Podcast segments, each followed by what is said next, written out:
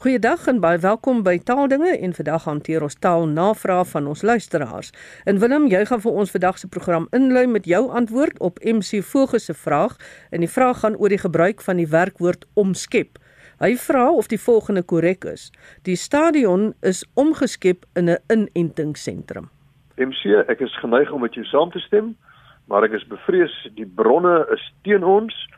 Ek het gaan naslaan in woordeboeke en in normerende bronne en die feit van die saak is jy kan sê omgeskep of het omskep. Jy kan hom met 'n g of sonder die g gebruik. Ek het gaan kyk in die Woordeboek van die Afrikaanse taal en daar word duidelik aangedui dat die verlede deelwoord is het omskep of het omgeskep. Voorbeelde met het omgeskep is byvoorbeeld die arena is kunstig omgeskep om die vyf tonele op te voer. Die ganse Vrystaat was tot 'n slagveld omgeskep. Ook in die AWS se woordelys het ek gaan kyk en daar word dit aangedui as het omskep of het omgeskep toe te gaan kyk in die normerende bron, ehm um, korrekte die korrekte woord van van Merwin Cornelis en daar word dit pertinent gestel dat omskep kan sowel skeibaar as onskeibaar gebruik word. Met ander woorde, het omskep of het omgeskep. En dan illustreer hulle ook mooi in die teenwoordige tyd, hy skep die grasvlakte om in saailande of hy omskep die grasvelde in saailande om. Dis nou net in teenwoordige tyd. Maar as ons nou verder gaan kyk na die Afrikaanse woordelys en spelreëls, reël 19 sê dat meerlettergrepige woorde waarvan die hoofklem nie op die eerste lettergreep val nie, vorm 'n voltooide woord deelwoord sonder ge. Byvoorbeeld het aanvaar, het omheind, het omring, het omsingel, het ondervang, het voorkom, het voorsien. En dan jou ou rympie wat ons op skool geleer het, werkwoorde wat begin met be, ge, er, her, ont en vir kry ook nie gen. Met ander woorde, het betwis, het hersien, het erken, het ontslaan, het verskoon. En dan is daar 'n groepie werkwoorde waar jy die ge kan gebruik of dit ook kan weglaat. Dis fakultatief. Het baklei of het gebaklei. Het baljaar of het gebaljaar en nog 'n paar daarbey. En dan jou werkwoorde wat eindig op eer, die eer werkwoorde. By hulle het jy ook 'n keuse. Jy kan sê het probeer of het geprobeer. Het reageer of het gereageer. Ander werkwoorde in die groep is hanteer, loseer, markeer, probeer, studeer en waardeer. Interessant genoeg om skep word nie by enigiets van die groepe vermeld nie, maar dit is nou 'n tradisie wat ontstaan het dat om skep met of sonder die ge in die verlede tyd gebruik kan word. Goed, ek moet sê ek het ook geleer dis omskep as dit nou 'n figuurlike ding is, is dieselfde beginsel as op skool en op die skool. En ek kies nog maar om te gebruik omskep in plaas van omgeskep. Maar jy sê dat ons hoef nou nie die mense wat omgeskep sê om te skep nie. Nee, dit is 'n kwessie van persoonlike voorkeur. Goed, en nou gaan ons praat oor lompsom frikkie. Dit is iemand wat sê hy kan glad nie die verband tussen lomp en die Engelse lamp sien nie. Hy verstaan nie hoekom ons praat van lompsom nie. En dan die tweede deel van sy vraag is uh laastens is dit miskien net ek wat so praat sê hy, maar dit is die vervanging van die letter K met die letter T wanneer dit gevolg word met 'n klinker soos in klip en klip met 'n T of klop en klop met 'n T. Goed, spring vir ons weg. Ja, dit is uh, Pierre Rautenbach wat so vra. Uh ja, Pierre, ek dink daar is enige verband uh tussen wat die Engelse lampsam noem en ons uh, ons lompsom, daai lomp het ons nie eintlik in Afrikaans nie. Ons het wel lompe wat beteken uh, slegte vervlenterde klere en so aan. Lampsam self word vertaal deur die ekonomiese en bedryfswoordeboek en ook Faros tweetalige woordeboek uh, met die volgende naamlik een bedrag enkel bedrag en dan 'n vreemde term bedrag in eens of ronde bedrag. Nou lompsom word wel in die WAT opgeneem, maar daar word baie duidelik vermeld dat dit na die Engelse lump sum is, gevorm is daarna en die verklaring word dan gegee by enkel bedrag, naamlik 'n bedrag geld wat eenmalig en nie in verskeie kleiner paemente nie uitbetaal word en as 'n volledige betaling beskou word. Uh interessant net die lamp van Engels lampsam met oorspronklik beteken shapeless piece met 'n vormlose stuk of massa. Nou vir die klip wat baie keer uitgespreek word as klip T L I P is dit ware Uh, en uh, klop as klop is daar 'n eenvoudige verklaring. Die stemlose k klank, die k word ver terug in die mond gevorm terwyl die uh l klank en die t klank albei alveolêr met die tong teen die tandkas gevorm word. Dit is dus as dit ware minder moeite om te praat van 'n klip eerder as 'n klip as dit nou sin maak. Het julle dit al gehoor dat mense dit so uitspreek? Uh ek dink ek verbeel my jy weet dit, dit is maklik om dit so te hoor klip. Dan klink dit dit klink amper soos klip, maar dit word met die die tong verander nie van posisie nie, die t en die l word presies op dieselfde plek gevorm. Hmm. Goed Willem Janus Roo van Jeffreys Bay vra dat ons sal gesels oor die gebruik van afkortings soos B's en V's vir bepalinge en voorwaardes. Ja, Janus sê is dit nie maar beter om woorde voluit uit te spreek as om nou te praat byvoorbeeld van B's en V's nie. Nou B's en V's is nie 'n erkende afkorting nie en uh, dit staan nou vir bepalinge en voorwaardes en uh, normaalweg spreek ons ook nie afkortings uit nie. Ons sê nie IPV van te gaan speel het jy gaan slaap nie. Ons sê in plaas van om te gaan speel het jy gaan slaap en MAV word nie uitgespreek nie. Ons sê met ander woorde. So hierdie gebruik is 'n bietjie raar en is ook nie eers erkende afkortings nie. Ek, ek dink dit is 'n navolging van die Engels terms and conditions T's and C's will apply maar ek wil daarom sê dit is dit is miskien nog steeds beter as die ander uh, terminologie wat ons hoor in advertensies termes en voorwaardes sal geld. Nou in die eerste plek is is 'n voor is 'n bepaling beter Afrikaans is term en die meervoud van term is terme, nie termis nie. So daai termes en voorwaardes is vir my nog meer irriterend. Mense hoor ook waardes en normes. Ek weet nie waar hierdie gebruik vandaan kom nie. Dis asof die een S meervoud die spreker beïnvloed om ook 'n S meervoud by die ander woord te sit in plaas van waardes en normes en termes en voorwaardes in plaas van waardes en norme en terme en voorwaardes. Daarom sê ek B's en V's is amper vir my beter vir bepalinge en voorwaardes as hierdie monster van 'n termes. Maar daar is wel uh, afkortings wat ons uitspreek en dit is nou die lettername of letterwoorde of akronieme is die ander sinonieme daarvoor soos SASOL, RSG, vigs SAK en Sanlam. Daar spreek ons dit wel uit uh, as 'n afkorting eintlik 'n woordafkorting maar uh, ek stem saam met hom B's en V's is eintlik iets wat nie bestaan nie dit is nie erkende afkortings nie. Dit mag dalk word maar dit is nie tans 'n erkende afkorting nie Ek kan net noem dat ek dink een van die redes hoekom dit so gebruik word is dan natuurlik veral in advertensies. En ons vind dat wanneer 'n kliënt 'n advertensie het, jy het net 30 sekondes of ook 15 sekondes advertensies en jy betaal nou daarvoor dan vind ek gebruik hulle baie keer B's en V's want dit is dit klink nou snaaks maar dit is 'n paar sekondes korter as bepalinge en voorwaardes en dit maak alles dat die advertensie binne sy sy uh, beperkte tyd is en natuurlik die koste ook nie meer is nie. Dit is nou net so 'n interessantheidshalwe.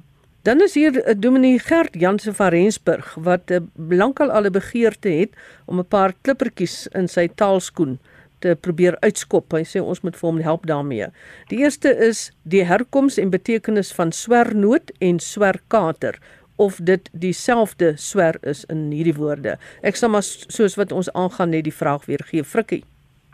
Ja, ek het wil hom net sê daar's 'n familiale verband met oom Gert. Hy is aan my moederskant verwant. Nou die herkoms en betekenis van swernoot en swerkater is dit dieselfde vraai Nou swerkater is waarskynlik 'n kontaminasievorm en ons gaan later 'n bietjie praat oor kontaminasie dalk van blikskater en swernoot. Nou die blikskater, die blik van 'n uh, blikskater is 'n eufemistiese vervorming van bliksem wat bliksem is en die kater is eintlik die duiwel. En blikskater is dan eintlik 'n uh, effens ligter kragwoord as bliksem. Maar ons moet 'n bietjie praat oor die swer soos dit in swernoot voorkom want dis 'n interessante ding. Die swernoot is 'n skeltaal. Jy kan ook praat van 'n swernoter wat 'n gemeene of 'n haatlike vent is. En dit uh, kom in uit Nederlands uit, gewestelik en oostelike Nederlands in die vorm swernoot wat 'n wisselvorm is van zweernoot wat al in 1870 gebruik is. En die eerste optekening in vroeë Afrikaans was al in 1734. in die vorm swernootskindere, swernootskinders met ander woorde.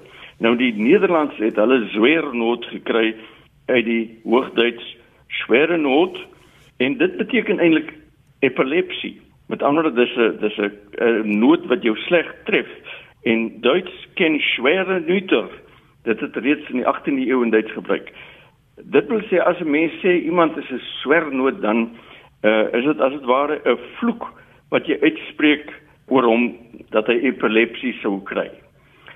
Die swer van swernoot en swerkater is dus het die dieselfde oorsprong. Ek kan maar Magdalene verder uh, oom Gert se vraag is een na die ander antwoord. Ja, hy die volgende uh, ene wat hy daar sê is 'n uh, viertrek roetes en viertrek voertuie eerder as die gebruik van 4 by 4 en dan het hy nou ook vraag oor die weervoorspellings en oor beeldskoon en in 'n ry ensovoorts. So jy kan vir ons die vrae uh, so van 'n kant af vat. Begin maar by 4 by 4 in plaas van 4 trek. Ja. Nou, hy vra dan nou kan ons nie maar eerder praat van 4 trek roetes, 4 trek voertuie, 'n um, 4 trek eerder as 4 by 4. Nou, die 4 by 4 of die 4 maal 4 soos jy dit aangedui kry, word uh, in die HAT die antwoordboek van die Afrikaanse taal word aangedui as 'n taamlik informele gebruik. Viertrek wat maar 'n inkorting is van viertrek voertuig is dan die meer formele woord wat ons gebruik vir hierdie tipe voertuig. Nou dit is interessant dat 'n mens moet onderskei waarskynlik tussen 'n 4 by 4 of viertrek voertuig en een met alwiel aandrywing want jy kry baie keer sportmotors waarvan al vier wiele aangedryf word maar wat jy beslis nie kan noem 'n 4 by 4 nie. Dis motors met alwiel aandrywing. Die viertrek voertuie het gewoonlik 'n oordra radkas wat nog 'n ewenaar aandryf sodat al vier wiele so aangedryf word. Nou dan tyd by weervoorspelling sê hy daar is baie keer 'n mooi dametjie wat sê donderbye sal opsteek, is dit reg? Nou ek dink 'n mens sal maar praat eerder van die weer wat opsteek. Donderweer kan opsteek, bye sak uit, so jy mens moet eerder praat van donderbye wat wat uitsak. Hy het dit ook oor beeldskoon. Hy sê enige ding is nou deesdae beeldskoon. Die berge is beeldskoon, die tuine is beeldskoon. Is dit moontlik? Nou ek het sommer gaan kyk wat die WNT, dis die Woordenboek der Nederlandse taal doen. Hulle sê dit is 'n ideale soort skoonheid soos die van 'n kunstenaar se beeld. Nou vandag dink ons nie sommer aan die beeld meer nie, maar ons gebruik dit soos 'n intensiewe vorm as dit ware baie skoon en daai skoon beteken natuurlik mooi, baie mooi. Die WNT dui ook aan en dis my gevoel ook dat dit gewoonlik gebruik word vir lede van die vroulike geslag wat pragtig is. Ek hou glad nie daarvan dat jy praat van 'n beeldskone omgewing of so nie. Ek sou eerder prentjie mooi of iets dergeliks gebruik. Dan uh het hom Gert dit ook oor 3 keer in 'n ry wat 'n span gewen het, kan ons nie maar agtereen volgens of na mekaar uh, gebruik nie ek stem saam met hom kom ons doen dit eerder so sou die 3 keer in 'n ry ehm um, hmm. te anglisisties wees vir hom? Ja dit dit is ek dink dit word nog steeds as anglisisties beskou. Uh three times in a row. Jy weet so ons moet maar eerder as ons dan nou suiwer wil wees moet ons praat van agtereenvolgens of na mekaar. Goed en dan sê hy hy hoor deesdae dat iemand onverskoning vra en ons moet daarom nou maar 'n bietjie daaroor praat ons taalkundiges. Ja, dit word tot my frustrasie meer gebruik as wat ek graag sou wou sien. Ek weet nie presies waar dit vandaan kom nie. Mens kan verskoning vra of om verskoning, twee woorde vra. Die om is gewoon 'n voorsetsel wat in hierdie geval omtrent beteken vir. Om verskoning vasgeskryf en onverskoning vasgeskryf bestaan gewoon nie. Goed, dan kom ons by jou Willem. Hannes van der Walt vra of die gewone spelreëls geld by plekname en of Potchefstromers met een of twee o's aan die einde gespel word. Die dorp se naam word normaalweg met twee o's gespel. Ja, Hannes, eh, die kort antwoord is ja, die die gewone spelreëls geld ook by by plekname. So Potchefstromer uh, sal met een o aan die einde wees en alhoewel die dorp se naam Potchefstroom is met twee o's aan die einde, ons kan maar net vinnig kyk na die spelreëls om net 'n bietjie weer seker te maak hoekom gebruik ons een o vir strome en twee o's vir stroom. En uh, die AWS stel dit baie mooi. Hy sê as ons die lang klanke a, e, o en u weergee, dan in 'n oop lettergreep doen ons dit met een letter en in 'n geslote lettergreep gebruik ons twee. Nou ek illustreer dit gou vir jou die die vokaalletters of die of die klanke a, e, o en u in 'n in 'n geslote lettergreep word met twee a's, twee e's, twee o's voorgestel soos aap, kommentaar, maat, traan, veteraan, stroom. Maar as jy nou die meervoudvorm sê net maar van stroom, dan word dit strome, dan is daar die o-klank in 'n oop lettergreep, stro en die volgende lettergreep m. Dan word hy met een klinker voorgestel. So lang a, o, e en u klanke in 'n oop lettergreep word met een vokaalletter voorgestel. So daarom ook Potchefstromer en die stromer is dan in 'n oop lettergreep, dan word daar net een klinker gegee, net een o met ander woorde. Ek kan net sê dat daar is uitsonderings soos sommige geografiese name en sommige vanne, soos Karoo word met twee o's aan die einde geskryf. Dit is maar 'n tradisie, maar volgens die reël is dit dan 'n oop lettergreep aan die einde en moet daar eintlik net een o wees wat die lang o klank voorstel. So ook die vanne Prinsloo en Vosloo word tradisioneel met dubbele vokaalletters geskryf anders as wat die reël voorskryf. Dankie Willem Frikkie.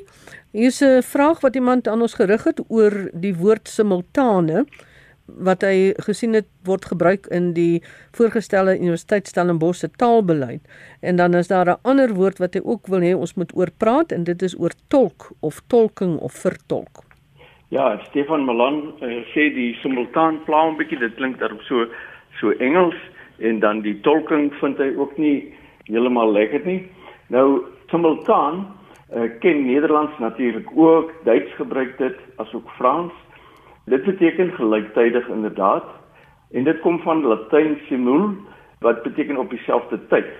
Simultaan verklaar die WAT dan ook as gelyktydig eh, soos 'n eh, simultane aanbiedings wat jy kry, simultane handelinge en dan kry jy Andre P Brink het dit gebruik waar jy dit by woordelik gebruik iets simultaan aanbied of waarneem of weergee. Dit word dus gebruik, simultaan word gebruik. En dit word veral as term gebruik waar dit saam met tolk gaan. Ons kry 'n simultane tolk of 'n simultaan tolk.